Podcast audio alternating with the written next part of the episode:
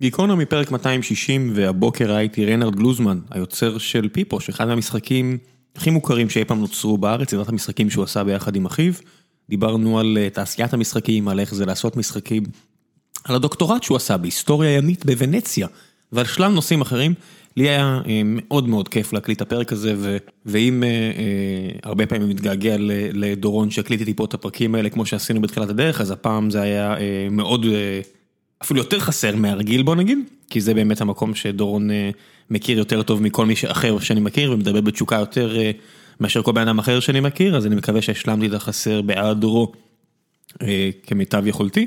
ונראה לי שהיה בסדר גמור בסך הכל, אז אני מקווה שאתם תהנו, ולפני שנעבור לפרק עצמו, אני רוצה להזכיר לכם שגיקונומי היא חלק משפחה של פודקאסטים, שכוללת גם את ציון שלוש של יוני נמרודי, איציק ששו ואחרים, וגם אני, שמדברים על כדורגל ישראלי, אנחנו בפגרה שם, אבל הפודקאסט עדיין חי וקיים ויחזור בחודש הבא. ואת בכל יום נתון של אוריאל דסקל ועמית לבנטל ואושרת עיני ושלל פרשני ספורט נהדרים אחרים שממשיך גם בקיץ במלוא העוז וצובר אה, המון המון האזנות. אני חושב שהוא תכף עובר את גיקונומי אם אני לא טועה וזה כיף גדול שנוצרה בעצם התרבות הזאת של אה, פודקאסטי ספורט אז תאזינו אם אתם עדיין לא מכירים. וכעת אה, מעט על נותני החסות של הפרק הזה שהפעם זו קרן בל כצנלסון שהיא מוסד חינוכי ומכון חשיבה הפועל להתחדשות השמאל הציוני בישראל. זאת באמצעות תוכניות אה, מנהיגות, פעולות בזירה הציבורית ומרכז חשיבה ומדיניות. הקרן פועלת לחיזוק התשתית הרעיונית והאנושית של המחנה ולקידום הרחב, לאור חזונו של ברל כצנלסון וערכי תנועת העבודה, מתוך מחויבות עמוקה לעתידה של מדינת ישראל כמדינת רווחה יהודית ודמוקרטית שכל אזרחיה שווים. וזה על הקרן עצמה. הדבר הבאמת מעניין שהם עשו אה, מבחינתי, זה שהם אה, נותנים צ'אנס לכל מי שרוצה להעמיק ברעיונות מאוד. וזה משהו שאני אוהב שעושים מכל צדדי המפה הפוליטית, אני מאוד אוהב לקרוא הגות אה, עמוקה, אה, אם זה ימין כלכלי, שמאל כלכלי, ומה שאני מניח שאתם יודעים את זה אם אתם מאזינים פה לפודקאסט, ומה שהקרן הזו של ברל כצנלסון עושים, זה כתב עת לשמאל ישראלי שנקרא תלם. זה הם, הם ייסדו אותה וזה הולך להוות וכבר עכשיו מהווה במה כתובה להתחדשות רעיונית של מחנה השמאל. אתם יכולים ללכת לקרוא כבר את הגיליון הראשון בחינם, אני אשים לכם לינק, תיכנסו, תראו, יש שם לא מעט טקסטים של כל מיני אנשים בולטים בשמאל הישראלי שרוצים להחזיר את האידיאולוגיה ואת הרעיונות לקדמת הבמה ולא רק דמגוגיה וצהוב וריבים של ביבי, אנטי ביבי וכל הדברים האלה, אלא משהו עמוק יותר.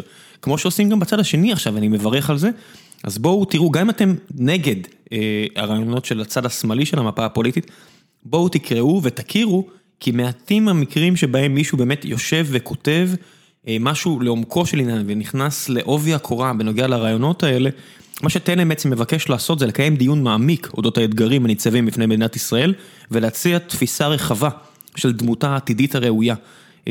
דרך עיסוק בשאלות יסוד, מדיניות ואסטרטגיה וכל הדברים האלה שמאוד מאוד חסרים לפחות לי אישית בזירה הפוליטית בארץ מכל, מכל הכיוונים. שוב, אין פה איזה ניסיון להיות נורא מאוזן או כל הדברים האלה, אלא רק תביאו לי עוד ועוד רעיונות ועוד ועוד אה, תכנים עמוקים וטקסטים שהם מעבר לקרב ציוצים שאני רואה בדרך כלל, ואני אשמח מאוד לתת, אה, לקחת חסות מן הסתם על הדברים האלה, כי זה מאוד מאוד חשוב בעיניי, אה, כל עוד זה גם רעיונות שמדברים אליי ואני לא, לא פוסל אותם לגמרי, וזה בטח לא המקרה כאן, שזה משהו שבהחלט ראוי לדבר עליו. אז תלם, כתב עת לשמאל, לשמאל הישראלי, אני אשאיר לכם לינק, כנסו דרך הלינק הזה, זה גם יעזור לנו מן הסתם בגיקונומי, תקראו את הגיליון הראשון, ואם מעניין אתכם מספיק תעשו מנוי, ואני אשמח, ועכשיו גיקונומי 260.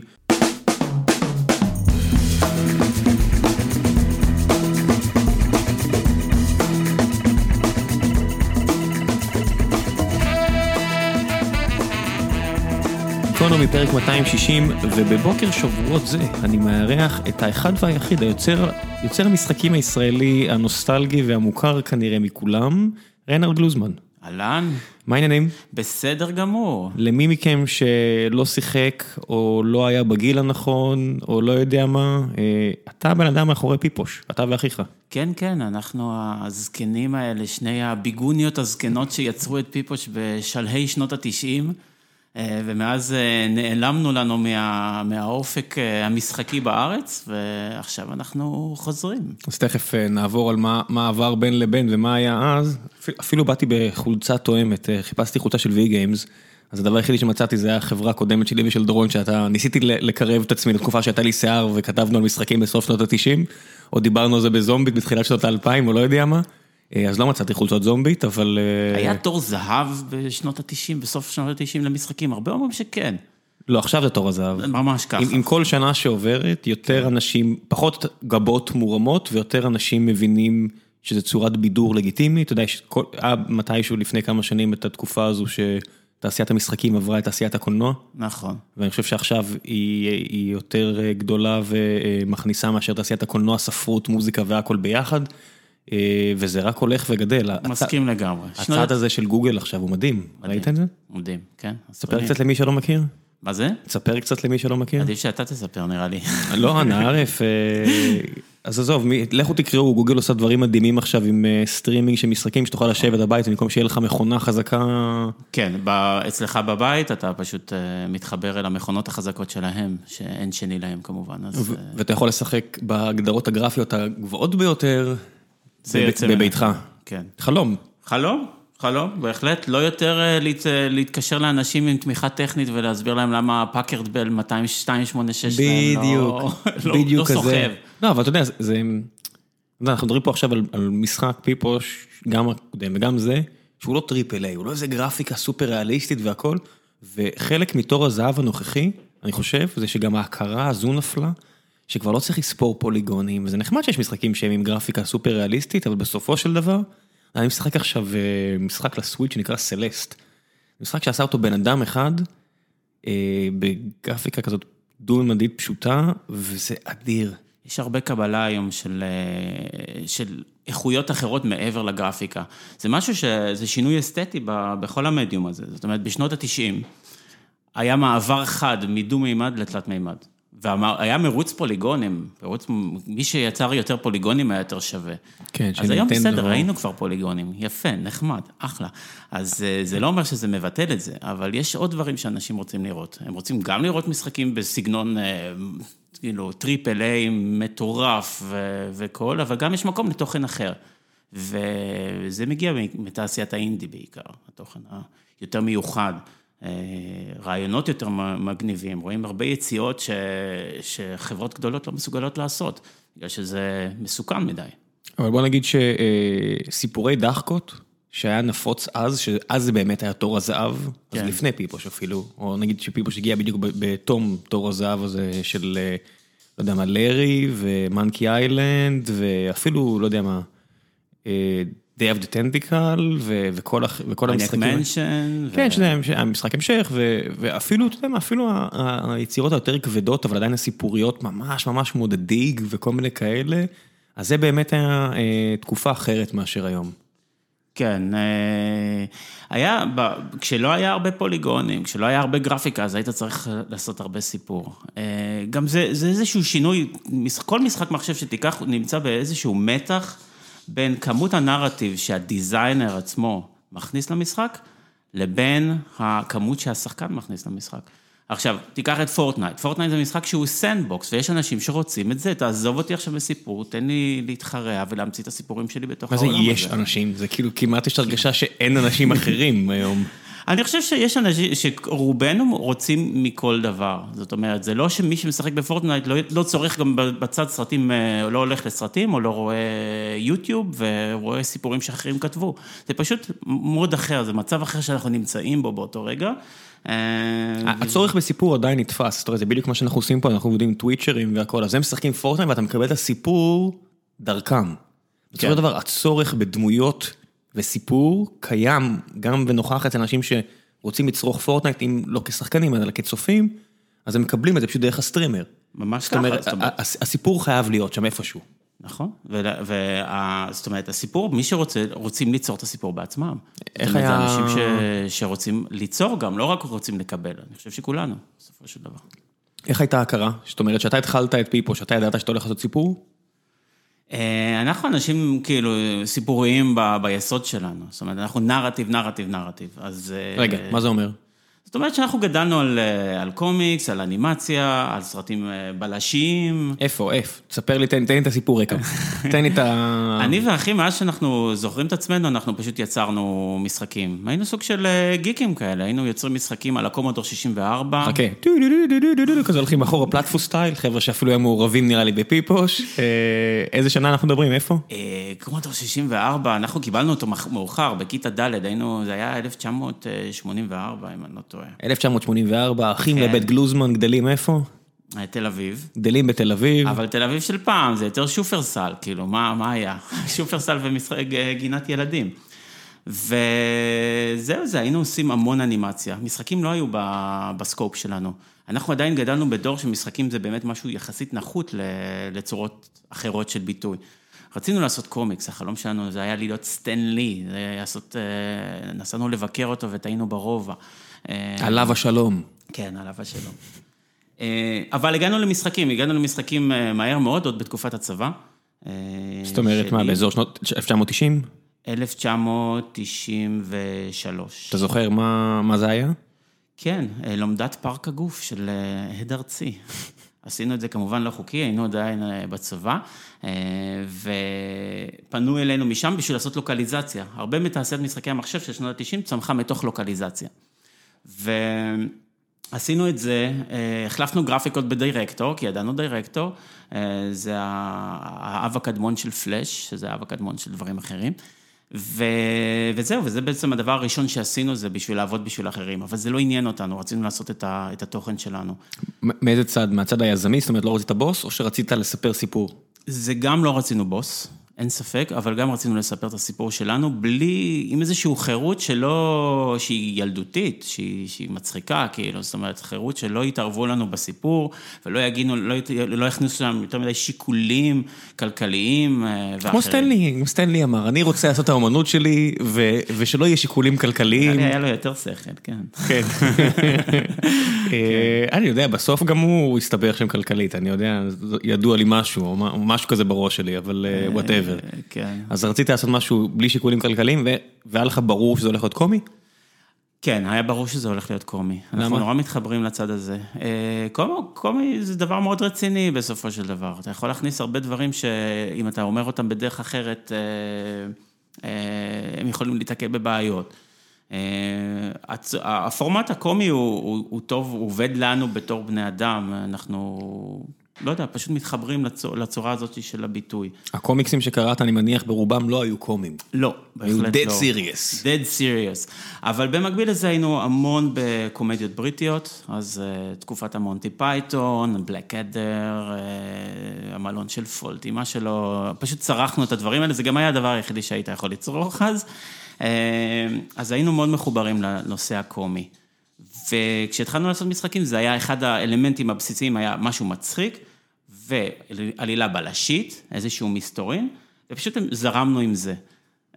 אנחנו אנשים טקסטואליים במקור שלנו, אז אנחנו פשוט נהנים מלכתוב, פחות, אני חושב שתמיד היה הצד החלש של פיפו, שהיה הצד הוויזואלי למשל, זה לא היה, אנחנו לא משתמשים הרבה בזוויות מצלמה עכשיו, כאילו, כי אנחנו עובדים עם חברים צעירים שמבינים עניין יותר מאיתנו, אז כן, אבל... במקור לא, זה היה פשוט להציב את הדמויות כמו איזה משחק בובות כזה, משחקים עם הבובות. סטייל סאות'פארק בהתחלה, שגם הם עשו פשוט את הדבר הכי quick and dirty, אתה יודע, יצירות כאלה דו-מימד, שאומרות דברים גסים כדי להעביר מסר. לחלוטין. זה בערך אותם שנים גם נראה לי. לחלוטין, זה היה, אני חושב, ביוויס ובאטהד, זוכר? זה היה בדיוק... אבל ביוויס ובאטהד זה היה, אתה יודע, אנימציה יותר מרשימה, וזה באמת היה שלב מתקדם, וגם...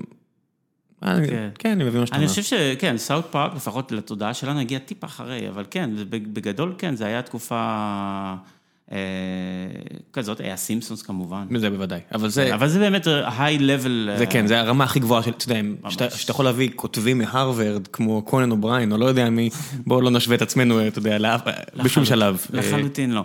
ובאמת, הסיבה שציירנו היא בשביל להעביר טקסט. בשביל להעביר מסר, זאת אומרת, הציור אף פעם לא היה איזשהו passion שלנו. אז למה משחק ולא קומיקס? או, זו שאלה מצוינת, בגלל שפשוט אין, אין דרך להגיע באותה תקופה, אה, לעבור איזשהו רמה, סטנדרט כלשהו עם קומיקס, אה, מי שאתה צריך מפיץ. זה לא כמו שהיום שיש לך פינק ישב פה. לפני איזה שנתיים נראה לי, סיפר על הקשיים שהיו אז עם זבנג וכל הדברים האלה, אני מניח שזה דברים כן. שחוויתם או חש- או חשבתם שתחוו. כן, היינו בקשר טוב עם אורי פינק באותה תקופה, כי הופענו באותם פסטיבלים, אה, אה, אבל מקומיקס, שוב, היית צריך איזשהו עורך עיתון, עורך עיתון, ש, ש, שיסכים איתך, שיאהב את מה שאתה עושה, אה, ואנחנו עוד לא היינו, מה, היינו שני ילדים. איזה סיכוי יש לנו לפנות ל- לעיתון ושיע- ושיעריכו את מה שאנחנו עושים? פלוס עורך עיתון יכריע ויחליט. נכון, יכריע ויחליט, וזה פחד, חס ושלום. כן. טלוויזיה, אותו דבר. עשינו בטלוויזיה ניסיונית, בערוץ 2 הניסיוני הייתה לנו דקת אנימציה. אה, גם כן, איזשהו קרליטוס גורביץ', אני לא יודע איפה הוא היום, אה, היה פרי- מנהל כן. התוכניות. precursor לניר וגלי כזה? כן, לא, אין להשוות. אני, אני, אני, כן. פוגש, אני, אני פוגש אותם ברחוב מדי פעם, וכל פעם אני, אני אומר להם כאילו כמה, זה פשוט רמה, כן, זו רמה מצוינת של... כן, אה, good for them. הם עשו אפילו משחק, גם הם עשו משחק שממש הולך סבבה, אבל זה משהו אחר. של עודד תבור, כן. כן. מפארטי פופרז. המשחק, אפשר לומר, המשחק המצליח ביותר היום. שניהם. אה, כן, כן. הראשון שיצא, שבעצם זה סוג של איזה פריקוול או דמו כזה, חינמי, והמשחק כן. החדש. המשחק הכי מצליח היום בארץ. אה, שתי מיליון הורדות, עד כמה שאני יודע, הראשון. ממכר as fuck, עשוי טוב, מביא את עשוי. הרוח של הדמויות שלהם. כן, כן, זה בעיקר הוא, זאת אומרת, זה, הדמויות הן שאובות מהם, אבל אה, הם לא היו מעורבים אה, כן, כן, עד אני כדי. כך בתהליך. זה יותר אה, החברה הזאת, חברת צעירים גם כן, עם המון passion לעשות משחקים בארץ, שהם משחקי דחקות בסופו של דבר, נכון? זה- לא יודע, דחקה זה, זה, זה, זה כיף.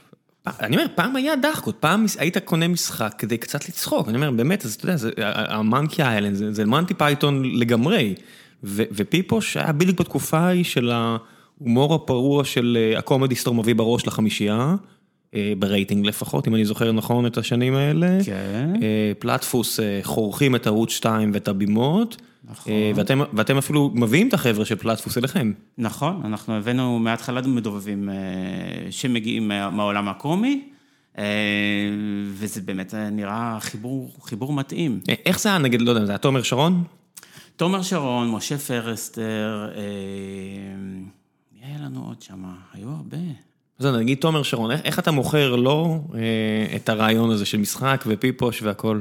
זה ממש תלוי בהם, בסופו של דבר. אנחנו תלויים בהם לחלוטין, זאת אומרת, זה, זה אנשים שבאו מתוך אה, איזושהי תחושה גם של שליחות, הרבה פעמים, ורצון לעזור לדברים חדשים. אה, הרבה פעמים היינו מטרידים אותם בטלפון, כמו שחזי פיפוש עושה. זאת אומרת, פשוט מתקשרים עוד פעם ועוד פעם ועוד פעם, ועד שלא מקבלים לא, לא עוזבים. אה, עמוס שוב, למשל, זיכרונו לברכה, אה, אמר ששיגענו לו את השכל, אבל בסוף הוא, שמח מאוד על, ה, על, ה, על האירוע. אה, כן, וזה גם, ברגע שאתה מצליח להשיג אחד, אה, אז יותר קל כבר להשיג את האחרים. אז צריך, אה, צריך הרבה עבודה על הראשון, פחות עבודה על השני. אז יצא. יצא המשחק הראשון. כן, אה, תככי הרייטינג. תככי הרייטינג, פיפוש תככי הרייטינג, והוא מתקבל ב- באהבה יחסית. בבוז מוחלט. לא, נו. תשמע, הוא לא עף. לא היה... לא אף כי כולם צרבו אותו, נפלת על. תקופה מחורבנת של, אה, של ישראליות. כן, כן. שלא היה כבוד לתוכן. אחד. כן. עניין של דיסקט אחד. אה, נכון. זה האמת, זה האמת, אתה יודע, מלא אנשים צרכו את פיפוש, ואתה לא ראית מזה שקל, כאילו, מהבחינה הזו.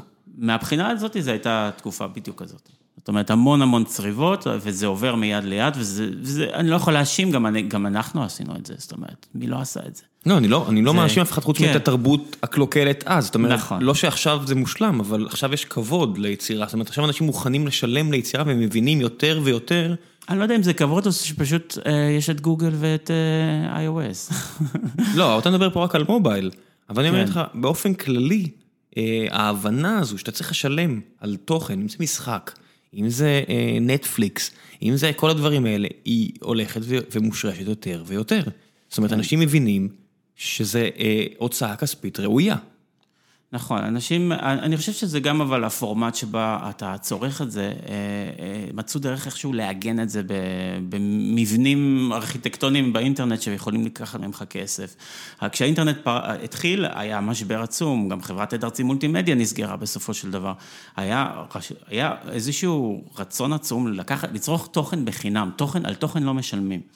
אה, נכון, היום זה, יש איזשהו שינוי בתפיסה מהבחינה הזאת. כן, הימים הראשונים של האינטרנט, אה, בטח שפרץ ה-DSL אחרי ה-ISDN עם ה-DSL פורץ, נראה, סוף שנות ה-90, תחילת שנות ה-2000, ואז גם המחסומים הטכניים האלה, שאתה יודע, במקום BBSים וכל מיני, אתה להוריד כל הלילה כדי לקבל איזה מגה וחצי של לא יודע מה, פתאום אתה אומר, אוקיי, עכשיו הכל זמין.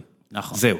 זהו. ויש לך פתאום אה, תוכנות, ש... משחקים שרצים אונליין, ושואלים את עצמם, והם, והם טובים, יש לך את אה, Newgrounds, ויש לך אתרים אחרים, שמייצרים משחקים, אה, משחקי פלאש ברמה מצוינת, ואז אתה אומר לעצמך, אז בשביל מה אני קונה, אני פשוט יכול לשחק חינם, יש המון חינם, יש איזשהו עודף חינם, כמו שקצת היום אנחנו נמצאים באיזשהו indie glut כזה. של אה, משחקי mobile והכל ש... ש... כן, כן, שהם פשוט חינמים, ואז מתחיל גם אתגר, אוקיי, אז על מה אני מוכן לשלם ועל מה אני לא מוכן לשלם. זה, זה עוד הצד הטוב, ש, שאפשר גם להיכנס לעניין הזה של micro payments, שזה פתרון שהרבה אנשים לא יאהבו שנאמר את זה, אבל הוא די מבאס אותי. זה פתרון שהוא מבאס, זה פתרון שהוא אה, בנוי על כל מיני אה, בעיות פסיכולוגיות של אנשים. והייתי שמח אם היה פתרון אחר, אבל זה, אם זה מה שעובד, אני בעד התעשייה, לא... אני חושב שאסור לזלזל, אי אפשר לא, לזלזל. להפך, אני לא מזלזל לא, באף אחד. לא, אני אומר, יוצרי המשחקים, מי שיוצר משחק לא יכול לבנות רק על micropayments, הוא צריך לתת תוכן חינמי. אה, הוא נותן, בדיוק. אחרת זה לא עובד. בדיוק, אחרת זה לא עובד. הם מדהימים, החברות האלה הם פאר היצירה, אתה יודע, שנוקיה מתה, בפינלנד תפסו את הראש, אמרו הנה הטבע שלנו מתה. אבל יצאו משם חבר'ה מדהימים, Rovio וכל החבר'ה האלה, מביאים לך כל כך הרבה תוכן נהדר כ freemium. ואז יש אחוז מסוים באוכלוסייה שיהיה ווייל, כן. שיוציא סכומים מטורפים של כסף, וזה יחזיק את המודל העסקי בין השאר. כן, זה בדיוק, זה מה שאנחנו מכירים מה-casual gaming גם לפני 10 ו-20 שנה, זה בדיוק המודל. זאת אומרת, ה-97 אחוז לא קונים שום דבר, כן. ואתה פשוט נהנה מאלה שכן שמים... זה במשחקי casual, זאת אומרת, יש גם היום הרבה אנשים שמשלמים, אתה יודע, אתה רואה את זה בקונסולה, אתה רואה את זה בכל מקום, הנה, עכשיו בסוויץ', אתה יודע, זה כל כך כיף, יש לך קונסולה. שאתה יכול לשלם דולרים, לא הרבה, לא 60 דולר למשחק, אם זה לא משחקים כאלה, ואתה מקבל תכנים נהדרים. נכון. שזה סוף הדרך מבחינתי, אבל שוב, זה סתם גישה רומנית מטופשת שלי, כי שוב, אני אומר, אם, אם, אם החבר'ה בתעשייה מביאים כל כך הרבה ערך על כל כך הרבה אנשים וזה עובד, אני אסתום את הפה ו... יאללה, חוזרים לפיפו 2, אז פיפו 1 לא, לא מוביל לכם את הבוננזה הכלכלית שאולי קיוויתם. לא הייתה בוננזה כלכלית, אז אפשר לחתוך את זה מהראשון ועד היום, זאת אומרת, מעולם לא היה בוננזה כלכלית. אבל בטוח קיוויתם, לא? לפני הראשון. לא היה לכם, לא לכם איזושהי פנטזיה שכן? אה, רצינו לחיות מזה, זה בהחלט היה המטרה, ובאמת עזבנו, זה היה באיזשהו שוק של החלטה שהיא יותר אמוציונלית מאשר החלטה כלכלית, פשוט לעזוב כל דבר ולעשות אך ורק את זה, ולהתרכז בלעשות משחקים טובים אה, משלנו. הוצאנו את חכי הרייטינג, הוצאנו את פיפוש הראשון. הם היו משחקים שכן מימנו לנו את המשך היצירה, כי גרנו אצל ההורים, נורא פשוט. כן. אבל אה, כשאתה רוצה להתרחב ולגדול עם זה, זה לא היה משהו שאפשרי. וגם, כמו שאתה מתאר, המון, המון דברים נכנסו. sukan.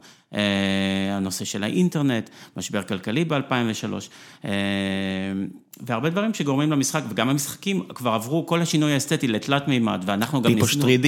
וואי וואי, קטסטרופה, אסון טוטאלי. אה, ניסינו להקשיב ל, לרוח התקופה, וכמובן שלא היה לנו את היכולות להתמודד עם זה בכלל. כן, חוץ מהעובדה שהוא נפל מהתפריט משחק, לא היה באמת הצדקה ל-3D הזה. לא, זה היה אולי הבדיחה הטובה ביותר, גם לשם, עד לשם הגעתי, כי אני בעצמי לא שיחקתי. שיחקתי במשחק הזה. מה? אה, סתם, לא, זה לקח משחק שלקח שנתיים לפתח, זה, זה לא צחוק, כשאתה מוציא משהו של שנתיים אה, פיתוח והוא... הוא גרוע, הוא איך לא ההרגשה הזאת לעבוד על משהו ואתה רואה שזה לא, שזה לא מתרומם? אה, אתה מרמה את עצמך? כן, במהלך התהליך? במהלך התהליך אתה, אז זהו, כי כן. כשאתה עובד על סטארט-אפ גרוע נגיד, כן. אתה יודע, לא רק שאתה יודע כל הדרך שהוא לא מספיק טוב, גם הקהל אומר לך. נדיר היום העסקים שדוגרים על הביצה שנתיים ואז מגלים שהיא לא בוקרת. נכון. אתה פשוט חוטף כאפות כל הדרך. נכון, נכון. במשחק או ביצירה אמנותית אחרת, סרט, סדרה, ספר, לא יודע מה, אתה אוגר את זה אצלך, בטוח שאתה, אה, לא יודע מי הבא, המיאסקי הבא, לא יודע מה, איזה גאון משחקים כזה או אחר. ואז אתה חוטף כאפה של השוק. אין ספק שהיום יש הרבה יותר איטרציות. גם אם אתה מוציא משחק, אתה יכול לתקן אותו אחרי זה. זה, זה יתרון עצום. זה יתרון עצום שלא היה אז, אתה רוצה, זה על CD, זהו זה, כל טעות שעשית... מחזיק מפתחות. וואו, כן. אז uh, מהבחינה הזאת, יש לה המון יתרון היום, שאתה יכול גם לתקן את עצמך, ועל הדרך, עשית טעות, עדיין יש אפשרות לתקן. איך ההרגשה הזאת של אתה מוציא את המשחק הזה, שעבדת עליו שנתיים, כן. ואתה בטוח שאתה מביא פה בוננזה אמנותית עם ה-3D הזה, זה מבאס to say the least. לא, איך, איך אתה מקבל את זה? כאילו, זה, זה תגובות ברחוב, זה מישהו שולח לך אימיילים, איך אתה מקבל את הביקורות השליליות? מקבלים את זה קודם כל במכירות. גם עברנו אז מהד ארצי שלא פרגנו למשחקים ישראלים לחברה אחרת, אינפוגרם, שלא פרגנה למשחקים ישראלים באותה מידה ואף פחות. אז ככה שגם מהבחינה הזאת, ההפצה של המשחק הייתה כל כך בזהירות, ובצורה מאוד מבוקרת, כדי שהם לא יפסידו, אז ככה שגם מהבחינה הזאת המכירות היו מאוד מאוד נמוכות. מה עוד? פשוט אתה... לא, אתה יודע בעצמך שאתה רוצה את המשהו לא טוב, הביקורות בעיתונות, בעיתונות מתחילות לזרום אחרי זה. כן, זו תקופה כזאת של, מבאס, מבאס, בעיקר רגע שעבדת על זה הרבה. אני חושב שזה חלק חשוב בתהליך החינוך. טינה עצומה כלפי המבקרים? אז הייתה לי המון. זאת אומרת, כאחד שעשה את זה ביחד עם דורון, כתבתי מאות ביקורות. זאת אומרת, ממשחקים אז, ואחרי זה על הופעות במאקו, וכל מיני כאלה, ולרוב זה לא על יוצרים מקומיים, אז אתה אומר, פאקי, אתה יודע, נכון, חברה זרה, לא, מה זה מה אכפת לי, אני מחויב לאמת שלי, ובלה בלה בלה בלה, אין לי שיקולים אחרים, אני לא אפגוש את היוצר של... את המוזיקאי הזאת, היוצר של המשחק כאילו מולי. ממש, ממש. אבל במקרה שלך זה כאילו, אתה חלק עצום מהתעשייה המקומית שאולי תתפתח. כן, ו... בדיוק. לא הייתה סלחנות לעצם העובדה שזה משהו ישראלי. זאת אומרת, אנחנו כן מוכנים לקבל סלחנות בחלק אחר, נגיד בקולנוע, אוקיי, הקולנוע המקומי, הוא נעשה באיכות מאוד מצוינת, אבל זה לא אותם תקציבים ואותם יכולות שיש לקולנוע מחו"ל. וזה בסדר, כי אנחנו מקבלים, אנחנו צורכים גם את זה וגם את זה. במשחק מחשב... לא, מה זה צורכים את זה גם את זה? אתה יודע, קולנוע ישראלי, אם היה מנסה לעשות בלוגבאסטר וזה היה מביך, אף אחד לא היה סולח לו. נכון, נכון.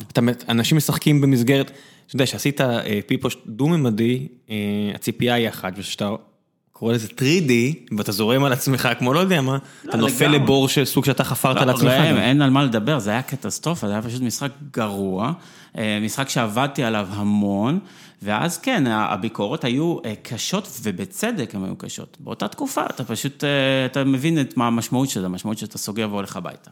וזה מה שקרה. כן, זה בדיוק מה שקרה. 16 שנה, 15 שנה זה קרה. כן, כן. מה אתה עושה בין לבין? המון דברים. מיד נשאבתי לתעשייה של משחקי המחשב. אני לא אוהב את המילה תעשייה, אני לא חושב שיש פה תעשייה, יש פה קהילה של אנשים שמפתחים משחקים. אחת הטרגדיות הגדולות מבחינתי, שלא התפתחה פה התעשייה של משחקים, כי יש בזה כסף.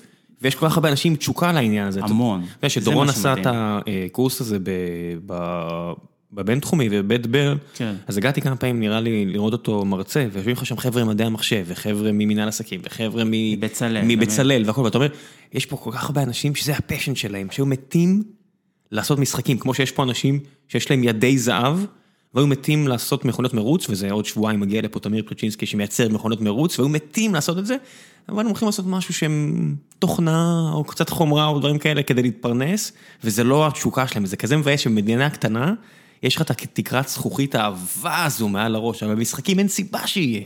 זאת אומרת, יכל להיות פה, אתה יודע, פינלנד, אין סיבה שבפינלנד כן ופה לא. בפינלנד, בפולין, בספרד, ואיפה שלא תרצה. כן, קינגס באונטי, משחק אדיר, יוצא לך פה מאיזה, לא יודע מה, חור תחת ברוסיה, אתה יודע, אין סיבה שזה לא יהיה פה. נכון. אז אתה נכנס לקהילה, לא לתעשייה. אני נכנסתי לקהילה, לחברת פיקסלאז, עשתה טלוויזיה אינטראקטיבית, עשתה מובייל, פייסבוק, משחקי פייסבוק, דיברו על זה כהקונסולה הבאה.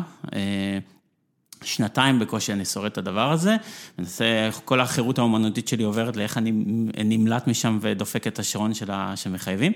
ואז פרופסור דיאנה סילברמן קלר, זיכרונה לברכה, קוראת לי להקים בעצם את התוכנית הראשונה בארץ לעיצוב ופיתוח משחקי מחשב בבית ברל. והתחלנו כמו שמתחילים חומה ומגדל, בלי שום ידע, ועושים את הטעויות הראשונות, מתגלחים על הסטודנטים הראשונים, קראנו לזה דמו. אתה זוכר? וזה בדיעבד, אם אתה מסתכל על זה היום, זה, זה לא נורמלי, מה שקרה אחרי זה. ובאמת, יש היום המון תוכניות ללימודי תעודה, עדיין צריך להגיד. זאת אומרת, המל"ג לא מכיר בזה בתור פקולטה רשמית. בדיוק ככה. המל"ג לא מכיר, אין לך עדיין אנשים שהם דוקטורים. כן. מה? יש, דודי פלס. הראשון, היחידי. נכון, נכון. שגם הוא... למיטב הבנתי, עושה משהו אחר לגמרי היום. היום הוא עושה משהו אחר, אבל את הדוקטורט שלו הוא עשה על משחקי מחשב. כן, הוא היחידי שהוא דוקטור למשחקים. כן, עד כמה שאנחנו יודעים. ביני לבינך, אני מניח שאנחנו לא יודעים על עוד אחד. לא, אני דוקטור, אבל אני היסטוריון. כן, אתה לא... כן. לא למשחקים. לא, בהחלט. אוקיי, אז... לא עשיתי את הדוקטורט שלי על משחקים. ונכון, אז מצד אחד חסר לך הידע, הידע הזה, הידע האקדמי בשביל לפתוח תוכנית יותר רצינית מלימודי תעודה. מצד שני, הרצון הוא עצום. יש המון אנשים שרוצים ללמוד את זה, וזה מגיע מתוך מחלקות קולנוע, אנימציה, עיצוב. מתכנתים. ומתכנתים. אני עכשיו מלמד בארבע מוסדות אקדמיים בארץ, זה, זה מטורף. מה, תן פה לאנשים, אתה יודע, אנשים חושבים שאין אתגר, נגיד, אנשים מחפשים, היום מתכנתים, מחפשים אתגר, אז הם, הם מוצאים את עצמם עובדים על דברים שהם כל כך לא סקסיים, כי יש שם אתגר, למשל, אתה יודע, חברות כמו Cloudflare, שמעבירים, שמעבירות כמויות מטורפות של מידע, מאלף לבית, כי זה אתגר מדהים, ואני כטכנולוג, אני מרייר על האתגר הזה. אבל מצד שני, זה כל כך לא סקסי. ובמשחקים, יש לך חבר'ה כמו, איך קוראים לו, מעיד, מעיד גיימינג, ג'ון קורמק, קרמק, איך קוראים לו, נו? לא יודע. אוף, פה... חפש לנו.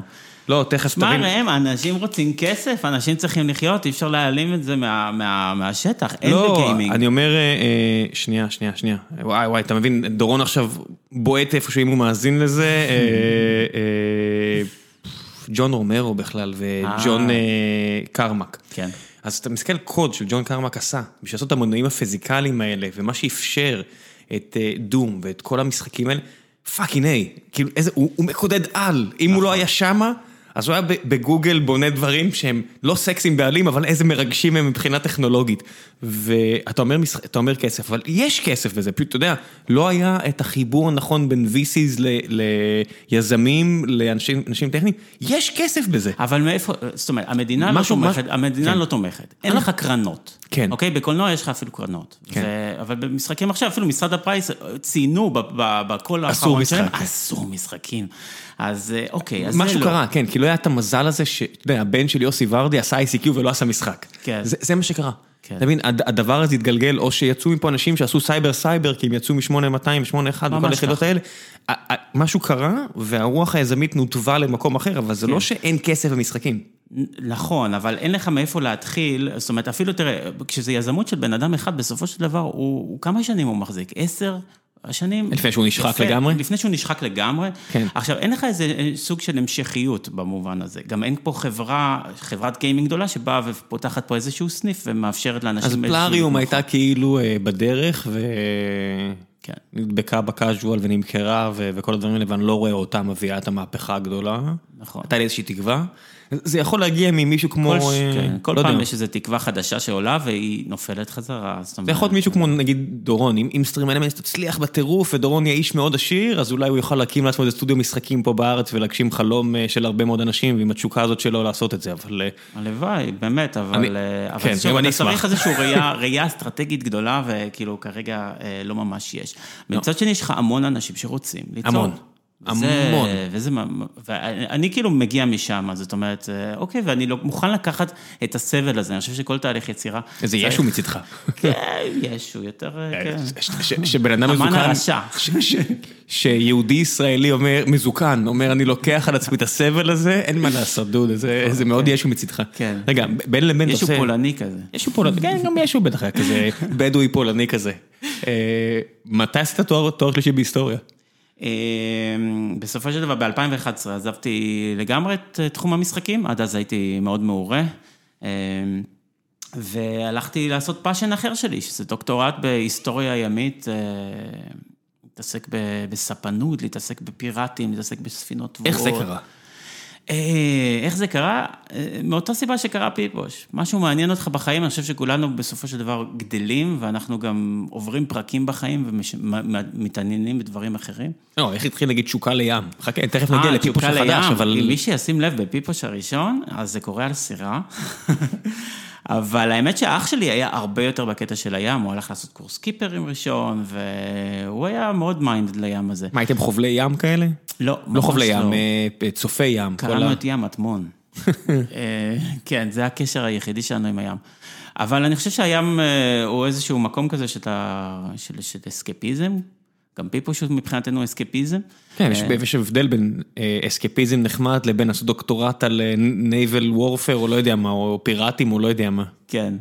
אה, זה פשוט להיטמע בתוך פרויקט מהבחינה הזאת, זה להיטמע בתוך עולם שלם של תוכן, שאתה פשוט אה, אה, לא מסתכל יותר על השעון, אתה מתנתק מהסוג של המציאות הקיימת ואתה פשוט חי במקום אחר. אז למה זה קרה בהיסטוריה ימית דווקא? מה, מה ספציפית בהיסטוריה ימית? אני התעסקתי בצי של ונציה. ה-Venetian fleet. Venetian fleet in the Mediterranean, אה, בתקופה של התגליות הגדולות, בתקופה ש...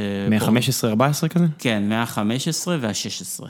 זאת כן. אומרת, כל מיני איטלקים מגיעים למזרח ומביאים איתם מחלות ואוצרות? האיטלקים כבר לא מגיעים לשום מקום, זה יותר הפורטוגזים והספרדים שמגיעים במקומם ו... כן. ומשאירים אותם קצת מאחורה, והם צריכים להתמודד עם המצב החדש שנוצר, שהם פתאום לא שליטי ה... העולם והסחר הימי והכל. ו... כן, שזה כי סך הכל 100-200 שנה לפני כן אה, מרקו פולו פוגש את, אה, לא יודע, קובלאי חאן ומביא איתו את כל האוצרות, ואנשים בכלל לא מבינים מאיפה הוא היה ולאיפה הוא הולך, ופתאום הספרדים והפורטוג... והפורטוגזים... תור הזהב. מגלים שיש כן. אה, יבשת משמאל שם. נכון. ופתאום אומרים להם, אוקיי, אנחנו מצאנו את הנתיבים החדשים. אה, הרבה דברים קורים גם באירופה, הגמוניות חדשות, יש לך מעצמות חדשות כמו ספרד ו... ו... וצרפת. אה, ומצד שני, יש אה, ונציה עם כמה קולוניות במזרח, ככה, הם הרבה יותר קטנים, ולא מצליחים לעשות את הדילוג הזה. בשביל להתמודד עם מעצמות קצת יותר. הם התחלפו בהולנד, לא? הולנד לקחה להם את ה... שתתה להם את המילקשייק. כן, זה היה, זאת אומרת, הם, הם ניסו להיאבק לאורך שנים, זה, בכלכלה זה דבר, כמה, אתה פשוט מבין כמה כלכלה זה עסק מסובך, וכש, וכל דבר שאתה אומר יכולים להגיד לך הפוך, אה, וזה נפלא. אז למה דווקא זה? זאת אומרת, למה הלכת לאנדרדוג בדוקטורט שלך? אה, פשוט התעניינתי בים, והמרצה היחידי באוניברסיטת תל אביב אה, שמתעסק בספנות וב, ובים, מתעסק בוונציה, אז ככה הגעתי לשם, פרופסור בנימין ארבל, כן. החיים עצמם. כן. ובאיזה שלב אתה ממצה את, אה, את סיפור האקדמיה וההיסטוריה? אני לא ממצה בכלל, מת על זה. אה, אני עכשיו פשוט חי אה, חיים כפולים, אפשר לומר. גם את תחום המשחקים. אה, שהוא אה, הרבה יותר, וזה מדהים אותי ההבדלים האלה, כי אתה פשוט רואה מצד אחד רצינות ומתודיקה שקיימת בעולם ההיסטוריה ועבודה מאוד מאוד מושקעת ורצינית שלוקחת המון זמן ועד לדיוק של הפרטים הקטנים, מצד שני יש לך עולם שהוא מאוד מהיר. אתה יודע, בהיסטוריה, אני, בדוקטורט שלי אני עונה למישהו שחי לפני 60 שנה. כאילו, עכשיו אני עונה לו. עכשיו... לקח זמן באמת. לוקח קצת זמן. התיבת המייל הייתה עמוסה. ובמשחקי מחשב הכל כזה מהיר. אה, זה הבדל עצום. באיזה שנה אתה מתחיל לחשוב על פיפוש 4? עכשיו, בספטמבר האחרון הגעתי לחרפת אה, כסף, חרפת רעב, וחזרתי לארץ אחרי שלא מצאתי שום פוסט-דוקטורטים. אה, איפה למדת את ה... בתל אביב, אבל גרתי באיטליה, גרתי בוונציה. כדי באמת לעסוק בזה בצורה רצינית. כן, כן, כן, לנבור בארכיונים כמו עכבר קטן ואפור, כן. וזה מקום מאוד, כאילו, איך זה לגור בוונציה? אה, זה מקסים. באמת? כן. אני, אני, אני מודה שמצאתי את עצמי להסתובב שם לפני לא, לא, לא הרבה שנים. כן. וזה לא מרגיש כמו עיר אמיתית. זה מרגיש כמו כאילו תפאורה של אה, הוליווד שהשאירו אותה לא בנויה, אתה אומר אין סופרמרקט. אתה מסתובב ואתה אומר, מישהו גר פה? כאילו, כן. זה, זה, זה עיר לאנשים אמיתיים? כן, זה מתחם שרונה ב hyper, אבל... אה, כן, והייתי שם ביולי, והיה חם בצורה מטורפת, ואין מזגן בשום מקום, ו... נכון. לא, זה היה לי חוויה ממש... אבל אני אגיד לך, ברגע שאתה מתחיל לחיות שם, אז אתה יודע לאיפה ללכת ומאיפה להימנע. כל האזור המתויר, העצום הגדול הזה, אתה משתמש בו כמעברים, אבל... אה, כי אין דרך אחרת לעבור. אין כביש. אין כביש, ויש שלושה גשרים, אתה חייב לעבור אותם כמה פעמים ביום. ולכן אתה גם תפגוש את אותם אנשים בדיוק באותם מקומות במהלך היום. אבל יש מלא מקומות אחרים אה, להסתובב איתם. כן, זה אחת הבעיות של ונציה עם תיירים, היא בעיה ארוכה, יש הרבה מה להגיד עליה. הם כן. איבדו איזה חצי מהאוכלוסייה שלהם, אם אני לא טועה. כן, כן, כן. הם, אה, בכל שנה יש, אה, המגמה היא מגמה של פחות תושבים ויותר תיירים. זאת אומרת, רק... כי זה לא... מכניס כסף, והם, כן. אה, והם גם לא מנסים. היזמות, נתקלתי גם בהבדל מאוד מאוד עצום בין, בין הרוח האיטלקית, הצייטגייסט כזה, האיטלקי לבין הישראלי. כאן אנחנו הרבה יותר יזמים, אה, וזה משהו שלמדתי להעריך דווקא כשאני נמצאתי שם. נמצאתי שם. אנחנו הרבה יותר מנסים דברים, וגם יש איזה פרגון הדדי כש, כשאתה מנסה. שמה זה לא ככה, אני חייב להגיד עד כמה כן, ש... הייתי שם, ביקרתי אה, חבר של יוסי ורדי ב-H פארם, שם לא רחוק מוונציה, כן. והאיטלקים מאוד מתבאסים על זה, אתה יודע, הם רואים את הגרמנים לידם, שיש להם הרבה יותר את היזמות העסקית, הבירוקרטיה של המחוקק דופקת אותם מכל כיוון אפשרי, זאת אומרת, יש גרמנים שכל כך אוהבים את מילאנו, שהם רוצים לחיות שם כי יפה, ונשים יפות, והכל נחמד ורגוע והכל סבבה, אבל העסק רשום בגרמניה. אז הם כן. נוסעים למילאנו וחוזרים לגרמניה, כי אי אפשר לפטר אנשים באיטליה, צריך שנתיים נוטיס או משהו, וזה בלתי אפשרי לסטארט-אפ. כן, כן. והכל הכל קצת תקוע. הכל תקוע. הכל תקוע ויותר מדי ישראבלוף. זאת אומרת, יש להם מזל שיש להם, לא יודע מה, את המאה מיליארד דולר שמגיעים כל שנה מתיירות, או לא יודע כמה שמגיע, וזה מדהים. כאילו, נכון. צריכים להודות לרומאים של פעם, ולאיטלקים של פעם, אבל משהו שם לא הכי חלק ועובד. כן, המערכת שם מאוד מסורבלת, הם, גם- הם גם תומכים בזה, הם, הם אנשים חשדנים לגבי החדש. כל דבר חדש, הוא מסתכל מיד איך זה יכול לסכן אותי באופן אישי. אה, יש לזה המון יתרונות, מצד שני מערכת סוציאלית שאנחנו אימפריה. יכולים רק כן, לחלום אתה רואה את זה עליה. בספורט ובמוטוריקה ובאופנה, הם אימפריה בכל כך הרבה דברים, פשוט, כן. יש דברים שמבאס. כן, ובוונציה, כשכל העיר נמצאת גם תחת אונסקו, אז אתה, החידוש הוא לא, מין- הוא לא דבר רצוי, החידוש הוא דבר בזוי ו, ו, ורע וצריך לעצור אותו. כן. אז אה, זו גישה אחרת קצת. כן, זה, זה, שוב, זה, זה באמת, אפשר, אתה יודע, להרחיב על זה, על הרוח האיטלקית, אבל... אבל לטוב ולרע. כן. שזה הרוב טוב, בוא, בוא נסבור, אתה יודע מה שנקרא, אני אסתום את הפה ואגיד זה הרוב טוב. לא נמעלה, לא נמעלה. כן, כן. אה, אז אתה חוזר ארצה ופיפוש ארבע? כן, אני לא קורא לזה פיפוש 4, כי אני פשוט איבדתי ספירה, אה, אבל זה פיפוש, זה פיפוש חדש. אה, זה קרה בצורה מאוד אה, חסרת אחריות כזאת, פשוט, טוב, אז חוזרים לארץ, אז מה אמן, נעשה? חסר אחריות, כן, זה הקטע. זה ממש חסר אחריות, זה, זה גם, אבל בעצם באיזשהו מקום, תראה, סיימנו, גם אח שלי היה יכול יותר להתפנות לנושא הזה עכשיו. בסופו של דבר, זה דורש התפנות גם מבחינה נפשית וגם מבחינה של זמן. אה, ולכן, זה היה הרגע לעשות את זה. אחרי סיום הדוקטורט שלי, אח שלי גם כן היה יכול לפנות לזה מקום, אמרנו, אוקיי, עכשיו, 20 שנה, במקרה, יאללה, בואו ננסה להוציא את אה, פיפוש החדש. איך זה מתחיל? אה, בזה שאני שם מודעה ב-Game.is, ו... עמותת המשחקים הישראלית. נכון, וכותב מי רוצה לעזור, אנחנו חושבים לעשות את הרימייק של פיפו, שאני שם את זה כזה בצידי כזה, והתגובות היו מטורפות, כאילו, אני התחלתי, ל... כאילו, מתוך הדוקטורט שלי התחלתי לעשות אקסל כזה עם כל השמות של האנשים שפונים והטלפונים, כדי שאני יכול אה, ליצור קשר עם כולם. המון אנשים רצו לעשות את זה, וזה רק מראה כמה...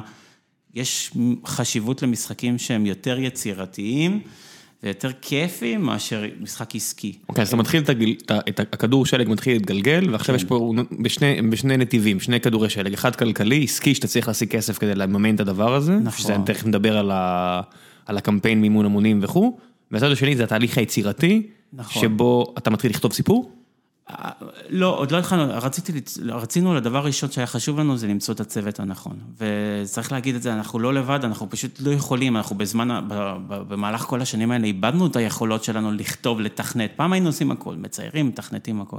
היום אני ורועי אמרנו, אוקיי, אם אנחנו אה, יוצרים משחק חדש, אנחנו מתרכזים בתוכן, בכתיבה ובלהמציא את הדמויות. אבל מעבר לזה, אנחנו חייבים את הדור החדש שיעזור לנו להקים את הדבר הזה. לבד אנחנו פשוט לא יכולים. אז נמצאים איתנו בצוות אה, אה, עוד חמישה אנשים, שני מתכנתים, גל חג'אג' וגל פסטרנק, שיש להם סטודיו שלהם, שהם אוהבים לעשות משחקים בעצמם. אה, יש לנו... mobile? מה זה? mobile? אה, mobile, כן, mobile, אה, כן, הם עושים משחקי adventure, ו Duck and Bear Love. אה, ממש ממש אה, מגיעים מתוך חדוות יצירה, וגם הם יכולים להרוויח המון כסף, אבל הם מעדיפים לעשות, להתפרנס ב, ב, ב, ממש מדברים קטנים, וכמה שיותר להשקיע בעולם המשחקים.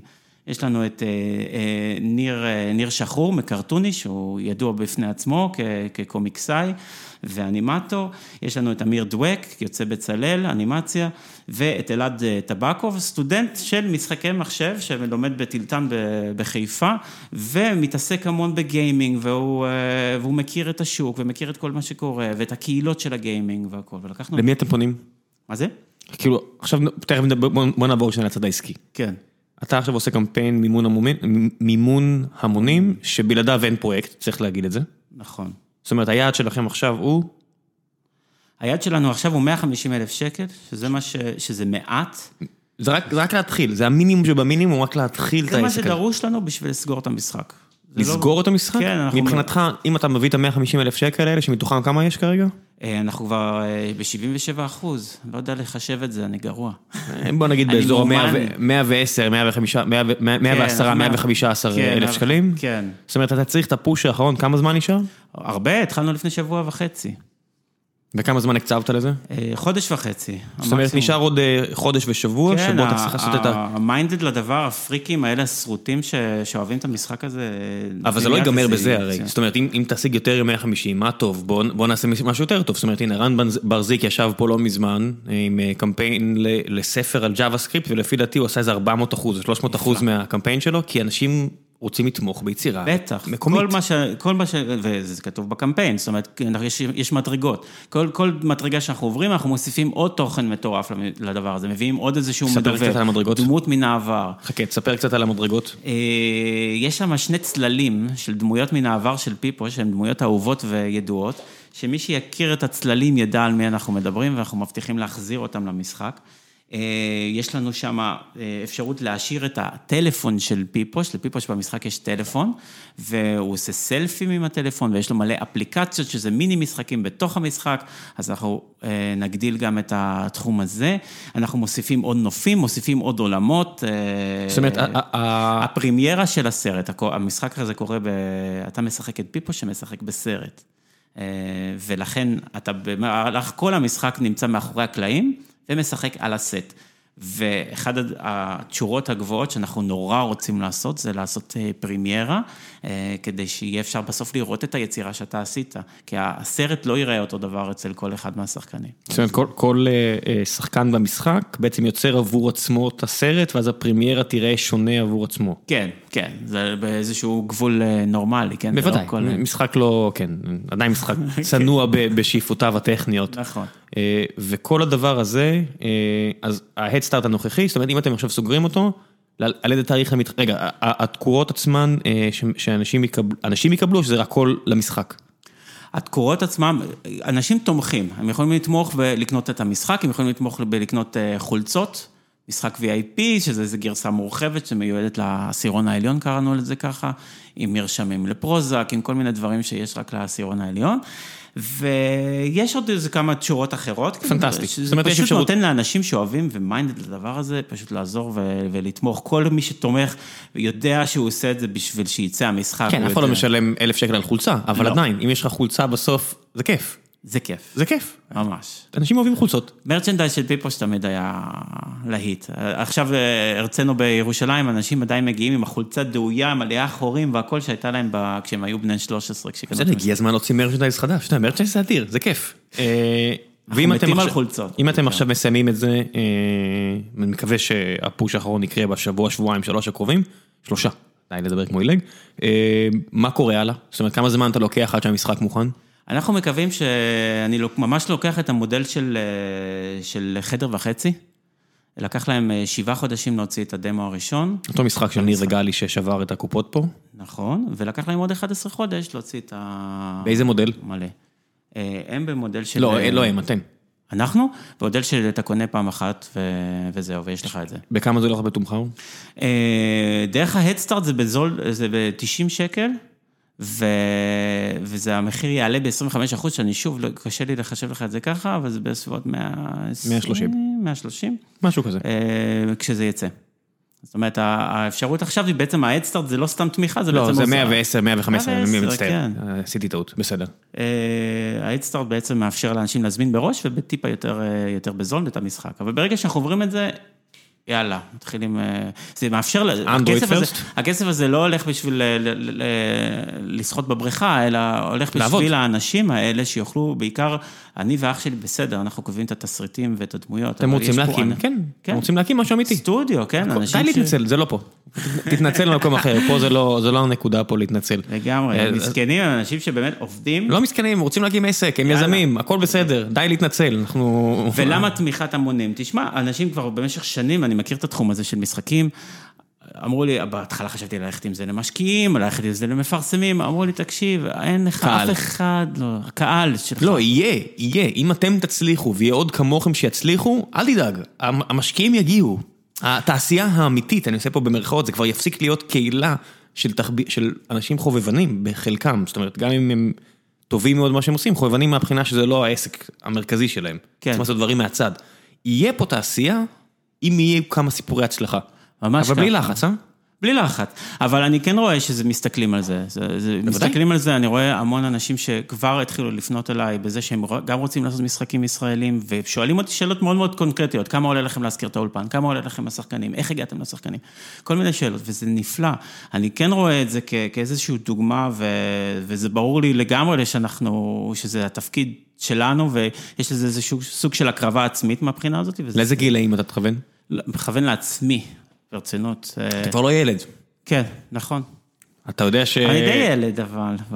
יש הבדל בין להיות אינפנטילי לבין להיות אה, ילד. אני מכוון את זה לאינפנטילים, לאנשים אינפנטילים. כן, לא, אה, אבל אתה צריך, אתה יודע, בסופו של דבר, כן. יש פה איזשהו שיקול מסחרי שאתה צריך לעשות, האם אתה מכוון את זה לבני 14 ומעלה, בני 18 ומעלה? אני, אני אומר לך בשיא הכנות, שאנחנו פשוט כותבים משהו שיצחיק אותנו. כן, אבל יש דברים שאתה אומר, אני אצחיק, יצחיק אותי, אבל אני אשנה פה קצת את המילים, כי...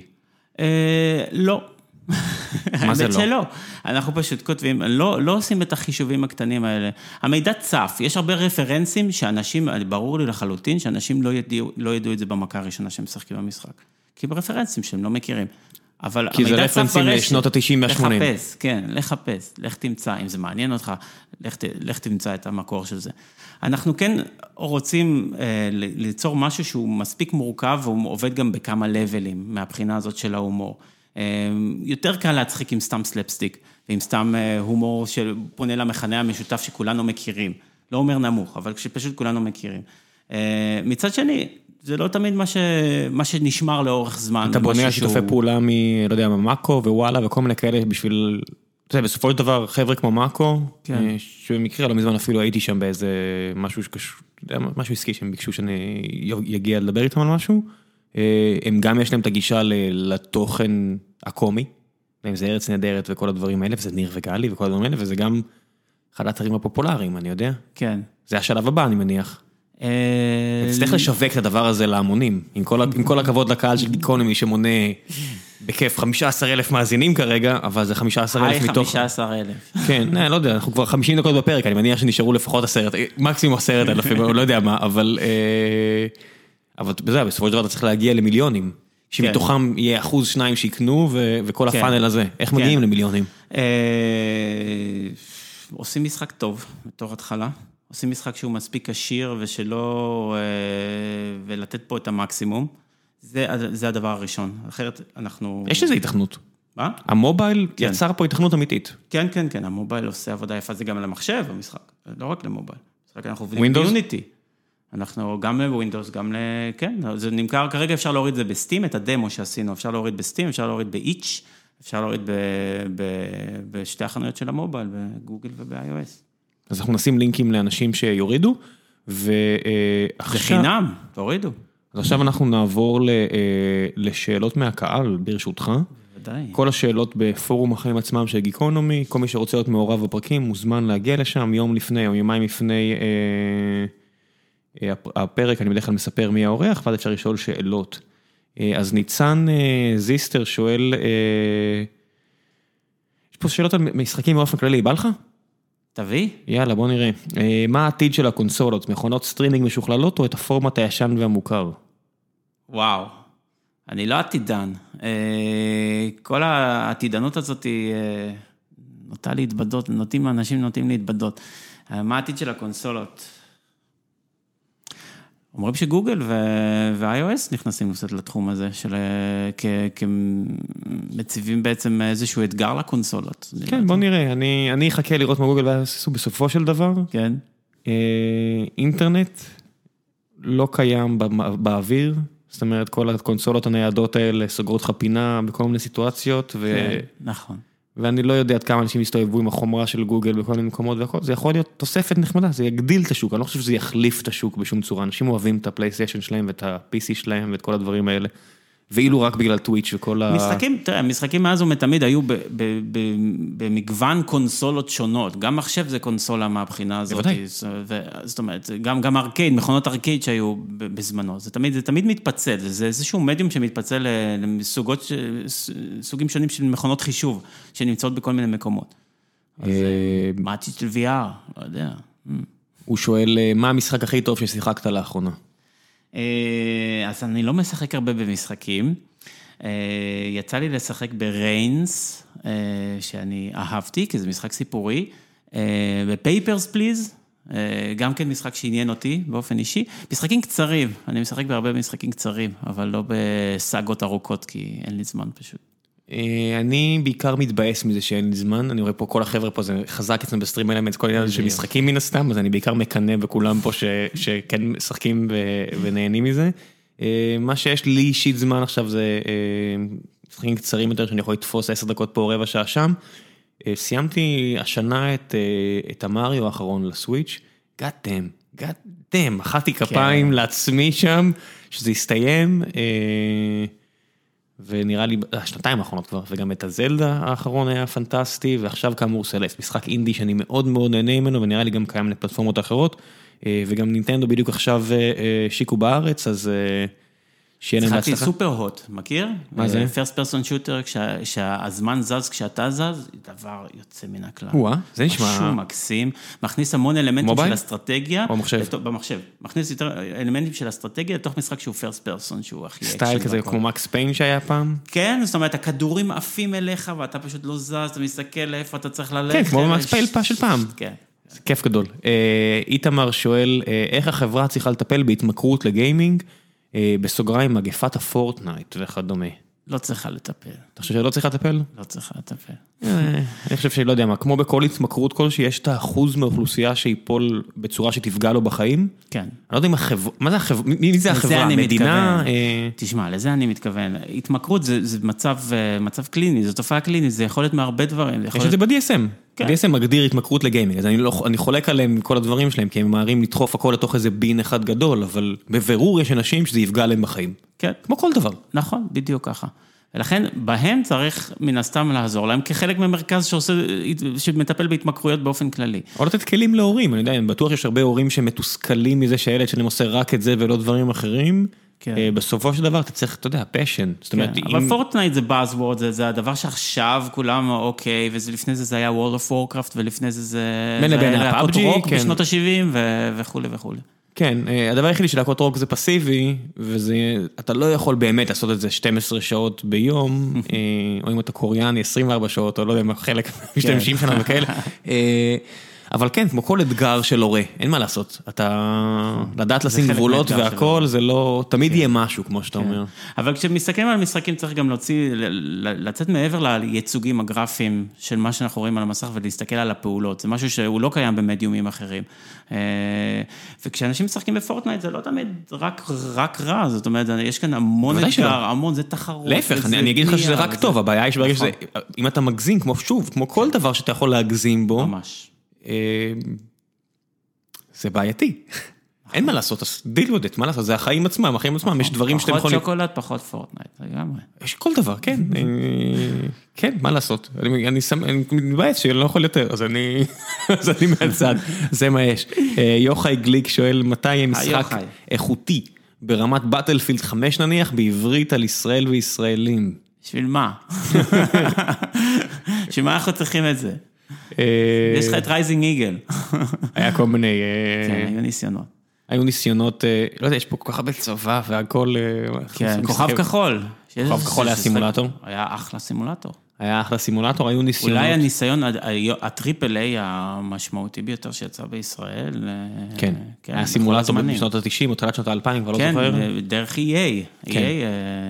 שיווקו אותו. שממש מה שהיית על F-16i, או לא לא זוכר מה היה שם, שעם הנופ... ממש זיהית, אני זוכר שזה היה הגימיק, שאתה ממש טס ומזהה את הנופים של ישראל, את הצורה הגיאוגרפית מלמעלה של ישראל. כן. אה, מתי יהיה על ישראל? לא יודע, היה American Army, זוכר שהצבא האמריקאי ניסה למשוך rednecks לשחק, אה, להתגייס, אז הם עשו את American Army. זה עדיין, אה, עדיין קיים. כן, כ- לא, הם יצאו את זה מלכתחילה מהכוונה הזו, אני יודע. כן, אחת הסיבות הראשונות היה פרופגנדה. כן, אז... אני מקווה מאוד שצה"ל, אף אחד בצה"ל לא מאזין ואומר, יש לנו הרבה כוח אדם חיוב. צה"ל משתמש במשחקים first person shooterים בשביל אימון, בשביל אימון, זה כן קורה, אבל כרגע לא בשביל פרופגנדה. כן, אנא ערף, אני לא... כן, טוב, אני... אפשר לענות על, תכף יהיה בטח שאלה אחרת על מתי משחקי triple A באופן כללי ולא משחקי צבא, אבל מור שואלת, איך פיפוש יגיב לגל תוכניות הריאליטי ששטפו את המסך מאז שעלה לאוויר לראשונה?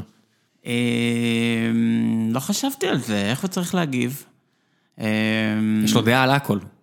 מה זה? זה חזי פיפוש. הוא לא פוסל, הוא רוצה להופיע, אז אני יכול לראות אותו בריאליטי קורה. הוא רוצה ביס מהעוגה הזו. כן, לגמרי. מרק שואל, סוף סוף פודקאסט על משחקים ודורון לא נמצא, מרגיש איכשהו לא טבעי? אכן מרגיש לא טבעי, אבל אני מבטיח לכם שאם סטרים אלמנטס ממש תצליח, דורון יחזור לתעשיית המשחקים הגדול וגם להקליט. הוא אפילו יהיה פה חודש הבא, לא חודש הבא, עוד שבועיים, אז אולי הוא ירצה. למרות שלא נראה לי, הוא תמיד מגיע לפה פעם ברבעון בשביל ישיבת בורד. עושה קפיצה דחופה מדי, כן. לא, הוא מגיע לפה לשבוע לישיבת בורד, שזה פעם ברבעון, ואנחנו כל כך מפוקסים על העניין הזה בשבוע הזה, שאני גם בדרך כלל לא מקליט באותו שבוע, וזה מה יש. כי יש דברים יותר חשובים, אתה יודע, לא חשובים, אבל כרגע, כן, כן, יותר חשובים, יותר דחופים, אז זה מה יש. אני מבטיח לכם שדורון יחזור ברגע שהוא יוכל. ליאור אביאל, יש בשנים האחרונות גל אדיר של משחקי אינדי ששוטף את השוק, בעיקר משחקי אסטרטגיה, סטייל בניית בסיס, יישוב הגנה והגנה עליו, אבל גם RPG, משחקים יותר אינטליגנטיים.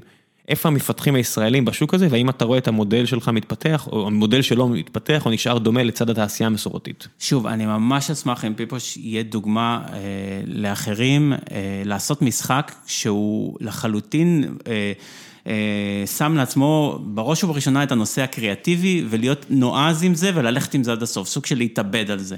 ולא, כמובן ששיקולים כלכליים הם מאוד מאוד חשובים, אבל, ואז כן, כן, אנחנו נוכל לראות הרבה יותר קריאטיביות. יש לאנשים פה המון המון קריאטיביות, אבל הם נורא נזהרים. כי כל דבר שאתה עושה, יתחילו להגיד לך מדוע ולמה, וזה לא המקום. ובוא ניצמד לקאז'ואל, ובוא ניצמד להייפר קאז'ואל ולמשחקי הימורים. אבל זה לא, זה שוב, זה לא בעיה של מוטיבציה, וזה ממש לא בעיה של, של רעיונות. זה שתי בעיות, אחד, זה שאתה צריך להתאבד על זה, והדבר השני, אתה צריך לעשות התמדה, וזה, התמדה היא גם דורשת איזשהו מימון. דוד וייס כותב שמר קוטלר ששאל את השאלה לפני כן, מפתח בימים אלה משחק עם עומק ושילוב של כמה סוגי משחק, אז נאחל גם למרק בהצלחה. ממש. ואם הוא גם יצא למימון המונים, נביא גם אותו לדבר על המשחק שלו. בן שואל, האם אתה יודע מה קרה למשחק הפיתוח הישראלי Round 6 של Snowball Studios? לא. גם אני לא. אני לא יודע, אז אין לנו מה להמשיך. חבל שאין לנו תשובה, אולי צריך להסתכל על זה לפני ולמצוא. שחר תם שואל, מה דעתך שנחליף את כל המנורות כאן בבלוני גז ציאנית, זה יהיה קונץ, לא? פחות, פחות קורץ. אולי במסגרת התוכנית ריאליטי ששאלה מור. שחר תם, השם רנארד ייחודי בנוף, יש מאחוריו סיפור? יש סיפור, זה סוג של טאטו, טאטו כזה, כאילו, סוג של כתובת קעקע, אפשר לומר. אני באיזשהו שלב בחיים שלי החלפתי את השם, כי... שוב, מה היה המקור? רנן, זה לא כזה רחוק, למדתי איטלקית, כחלק מהדוקטורט שלי, המורה קראה לי במשך שנתיים רנארד. דרור רפפורט פה מספר את הסיפור. אה, מה העניינים? אז בוא ניתן לך בכל זאת, אז מורה איטלקית. אה, זה דרור רפפורט. אז המורה לאיטלקית קראה לי רנארד, וכך כל ה... כל הכיתה, שנתיים, בסוף זה השפיע עליי איכשהו, הלכתי באיזשהו צד פזיז, הייתי ליד משרד הפנים, הלכתי והחלפתי שם. אם הייתי יכול, לא הייתי עושה את זה, אבל זהו, נקבע, אתה יודע, כמו... אתה יכול לחזור אחורה. אפשר לחזור אחורה, אפשר למחוק. יש איזה עניין של שבע, שמונה, יש איזה איקס שנים שאתה לא יכול להחליף. שבע שנים אתה לא יכול להחליף, אז אתה יכול להחליף. אז יאללה, בוא נחליף לעוד משהו חדש כבר, אם כבר הולכים לשם, נחזור אחורה? אם המשחק יצליח. ברק שואל, יהיה אי פעם משחק ישראלי טוב יותר מסוחר הים, ואתה גם אוהב ים. אני מת על משחק סוחר הים, זה משחק שהוצא מטח. שנזקף לה הרבה מ...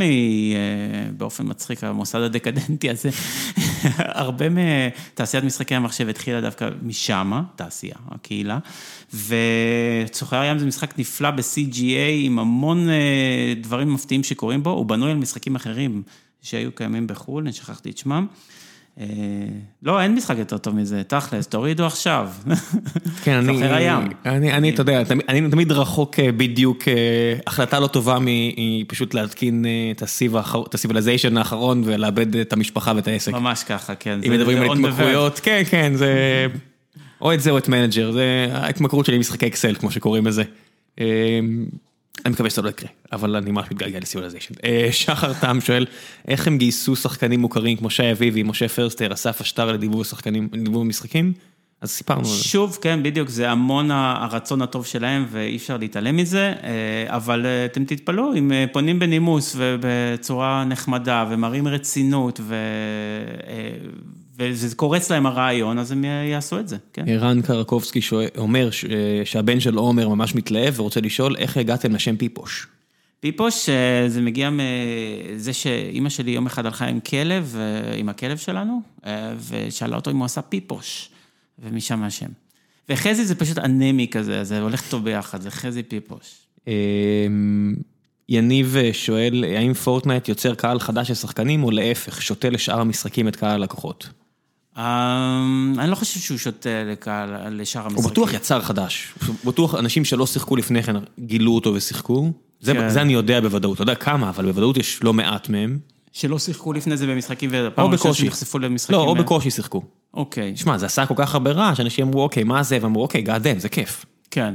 זה משחק נפלא, אני לא חושב שהוא הוא, הוא, הוא מתחרה עם דברים אחרים שקיימים. לא, שוב, הוא אני חושב בטוח מתחרה עם דברים אחרים שקיימים, לא יודע אם... מאותו אם- הז'אנר, כן, אבל... כן, הוא בטוח שאתה את המילקשק של פאבג'י וכל מיני משחקים כן, אחרים שהיו כן, שם באותו כן. רגע.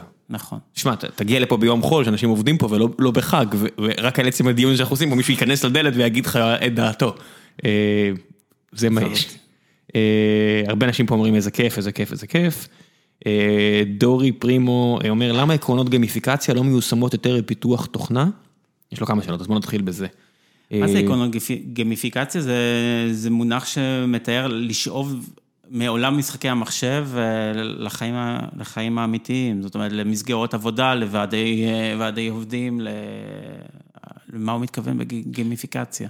משתמשים, משתמשים בהם בטח ב, ב product, כאילו בניהול מוצר. כן. אז בפיתוח תוכנה, אני לא יודע בדיוק מה השאלה. אה, אני חושב שה vibe לגבי זה קצת ירד. היה... של gamification? כן, gamification אה, של כן, החברה שלנו, אה, ירד וטוב שכך. כן, כי כן. זה בעצם, זה איזשהו, מרגישים קצת exploited אנשים בעסק הזה. כן, כל המד הזה שמתמלא, ואתה אומר, כן. אחי, אני לא מפגר. אחי, אני לא מפגר, העבודה שלי בסופו של דבר משמימה וזה, אתה לא יכול לשחק איתי עם כל מיני בונוסים ועוד קצת ניקוד, לא כן. ואז אני רואה אנימציה יפה של משהו מתמלא, ואני עושה... אני כן.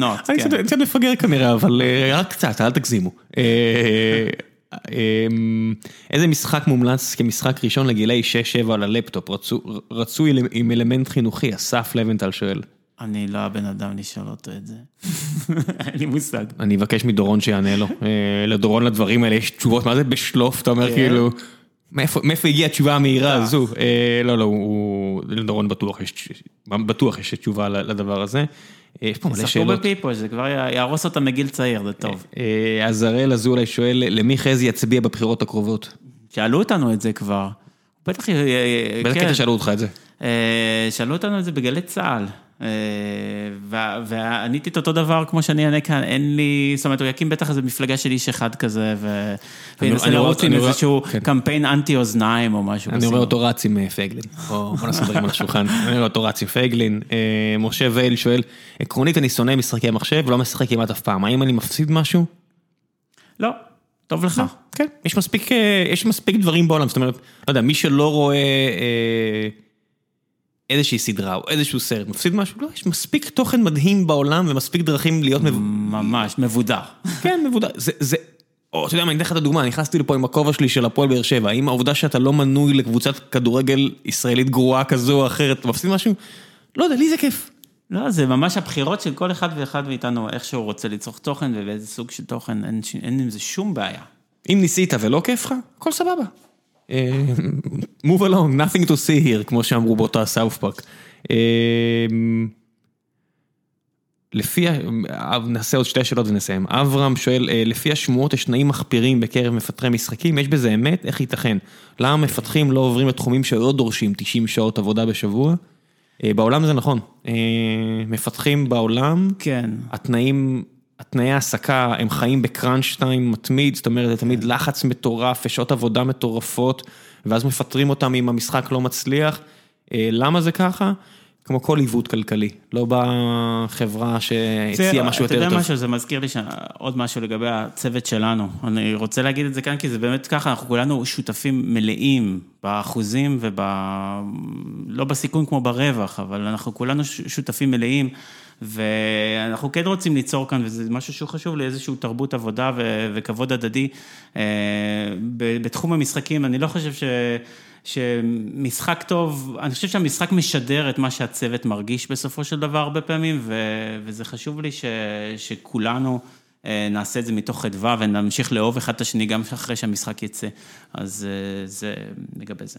טוב, יאללה, סוף הפרק, עכשיו אתה יכול להמליץ על כל מה שבא לך, ומעבר לתכף שתגיד איפה בדיוק אפשר למצוא את ה... אדסטארט ופיפוש ואת כל הדברים האלה שזה הטריוויאל ותביא לי לינקים, אתה חייב לי עוד המלצות, אז יאללה, תתחיל עם הטריוויאל. עם הטריוויאל. שזה איפה מוצאים את פיפוש? אוקיי, אז את פיפוש מוצאים כרגע בגוגל פליי, ב-iOS, בסטים, באיץ', להורדה דרך האתר שלנו, פיפוש.קום. תורידו כל מספר חשוב, תשאירו ביקורת חיובית, אל תהיו מניאקים. כן, למה לא? ו... לא כואב לכם, אתם לא וגם אפשר. לכתוב לנו, אגב, אפשר לכתוב לנו. אפשר למצוא אותנו בפייסבוק, אנחנו נורא פעילים שמה. ואת הקמפיין שלנו בהדסטארט, באימא שלכם, מי שירצה לשחק במשחק הזה, תקנו אותו עכשיו, במקום לקנות אותו אחר כך, גם אתם עוזרים לנו המון, וגם יש לכם אפשרות לקנות אותו קצת יותר בזול. הקמפיין שלנו עכשיו רץ, ואנחנו כבר בשבוע השני שלו בערך. יאללה, צריך לעבור את ה-150 אלף שקל האלה, רק 100% זה לא מספיק, בוא נסיים, המינימום זה להשלים את זה, כי אחרת הכסף לא מגיע, נכון? נכון, אחרת הכסף לא מגיע ואנחנו לא שמים שקל מעצמנו, אנחנו פשוט נותנים לזה, אם לא, אז לא, בסדר, אבל אני חושב שזה, יש כאן המון הזדמנות גם לאחרים להמשיך איתנו, אנחנו לא הולכים לעשות פיפו 2 אחרי אם זה. חשוב לכם התעשייה בארץ, אם דורון היה כאן, הוא היה נכנס להתקף דרמטיות, שהוא דורון יודע. לעשות את זה יפה. לא, לא, דורון, אתה יודע, הנה, אני הצטרפתי אליו עוד פעם, אז כנראה שהוא יודע לשכנע טוב, הוא היה מסביר שזה ציונות וכאלה, ואני לא חולק עליו, בניגוד להרבה פעמים אחרות שאני אוהב לריב איתו על דברים, פה אני לא חולק עליו, ציונות זה לעזור לתעשייה המקומית מבחינתי, להתפתח ולצמוח ולתת לאנשים שיש להם תשוקה לעשות מה שהם יכולים לעשות פה. אז זה המלצה אחת. עכשיו תחשוב על עוד המלצות, בינתיים אני אתן את ההמלצה שלי הפעם. סדרה בנטפליקס שנקראת פורמולה 1, Drive to Survive, צוות שעקב אחרי עונת פורמולה 1 של שנה שעברה, ופיצץ לי את השכל. כבר מזמן לא ראיתי משהו שפיצץ לי את השכל, כי לא ראיתי הרבה דברים פשוט לאחרונה, לא היה לי זמן, אבל את זה, פשוט נפלתי על זה כי המליצו לי, ופנטסטי, פנטסטי, פנטסטי, פנטסטי. אז אם מדברים על איטליה, אז מן הסתם מדינה שמאוד מעריכה מכוניות, ובטח שפורמולה 1 בגלל פרארי, אז פרארי ומרצדס שהם השליטות הבלתי מעורערות לא מופיעות בסדרה הזו, אבל כל השאר כן, מביאים לך את הסיפורים של הנהגים ושל בעלי הקבוצות וכל האינטריגות, והם פשוט פתחו להם את הדלת לגמרי. וה production value מטמטם, מטמטם, מטמטם, מטמטם, זה פנטסטי, ותמיר פלצ'ינסקי יגיע לפה עוד מעט לדבר על פורמולה 3 שהוא בונה, ומתחרה בה, ומנסה לעשות כמו שאתה מנסה לעשות במשחקים, אז הוא מנסה לעשות מכוניות מרוץ, אז לפני שהוא מגיע, עוד שבועיים, עוד שבוע וחצי, לא יודע מתי הוא אמור להגיע, תעשו לי טובה, תראו את הסדרה הזאת ותכינו שאלות מראש עבורו, ותיכנסו לעניינים, כי זה פשוט, אם היה לי איזשהו בדל של קואורדינציה בגוף שלי ולא הייתי מפחד למות בצורה נוראית, הייתי מבקש ממנו סיבוב על המכונית שלו, שהיא למכירה כרגע, אז הוא ידבר על זה בפרק איתו, אבל זה ההמלצה שלי, פורמולה 1, Drive to Survive בנטפליקס, המלצה מאוד חמה. עכשיו שלך. אז אם למי שמתעניין בתחום המשחקים ורוצה להיכנס לזה, אני חושב שיש אתר נפלא, זה בעצם ערוץ וידאו, ואתם יכולים להיכנס אליו, זה GDC, יופי של הרצאות ב-GDC, מיוצרים משחקים, אתם יכולים לשבת בבית שלכם וב-20 דקות לקבל שיעור לחיים מאנשים שעברו את זה, אני עושה את זה בזמן שאני רץ. וזה נפלא, גם פודקאסט אחר, No Clip, מכיר? אחלה מקור מידע לגבי משחקי מחשב, יש המון ידע בתחום הזה ושווה בהחלט להתעסק בזה ולקרוא ולשמוע מעצות של אחרים. והעצה השנייה שלי היא פשוט שלכם... תמצאו תחביב כמו ספנות. זה מאוד עוזר לאזן את החיים. תמצאו את התשוקה בחיים שלכם. כן, כן, ממש ללכת אחרי התשוקה, ואתה יודע מה, בדיוק ככה, ללכת אחרי התשוקה וזה יסתדר, דברים יסתדרו איכשהו, אני, באיפשהו אני מאמין בזה. זאת אומרת, אם אתה עושה את מה לא, שאתה לא אוהב... לא יודע אם בהכרח הם יסתדרו, אתם רק תגדילו את ההסתברות. אני מאמין, אני כאן היפר ריאליסט. זאת אומרת, זה כמו בפוקר, אם תעשה את כל הדברים נכון, שתהיה לך הסתברות יותר גבוהה להגיע לאושר, עם א', עם ע', עם כל הדברים האלה, והמשחק פה זה רק ישפר הסתברויות. תמיד יכול להיות שיש לכם מזל רע. אין מה לעשות, זה חלק מהחיים, אל תתבאסו אם זה קורה, תלמדו לקבל גם את זה, אבל תעשו דברים כדי לשפר את היכולת שלכם להצליח. אבל תצטרכו לקרוע את התחת.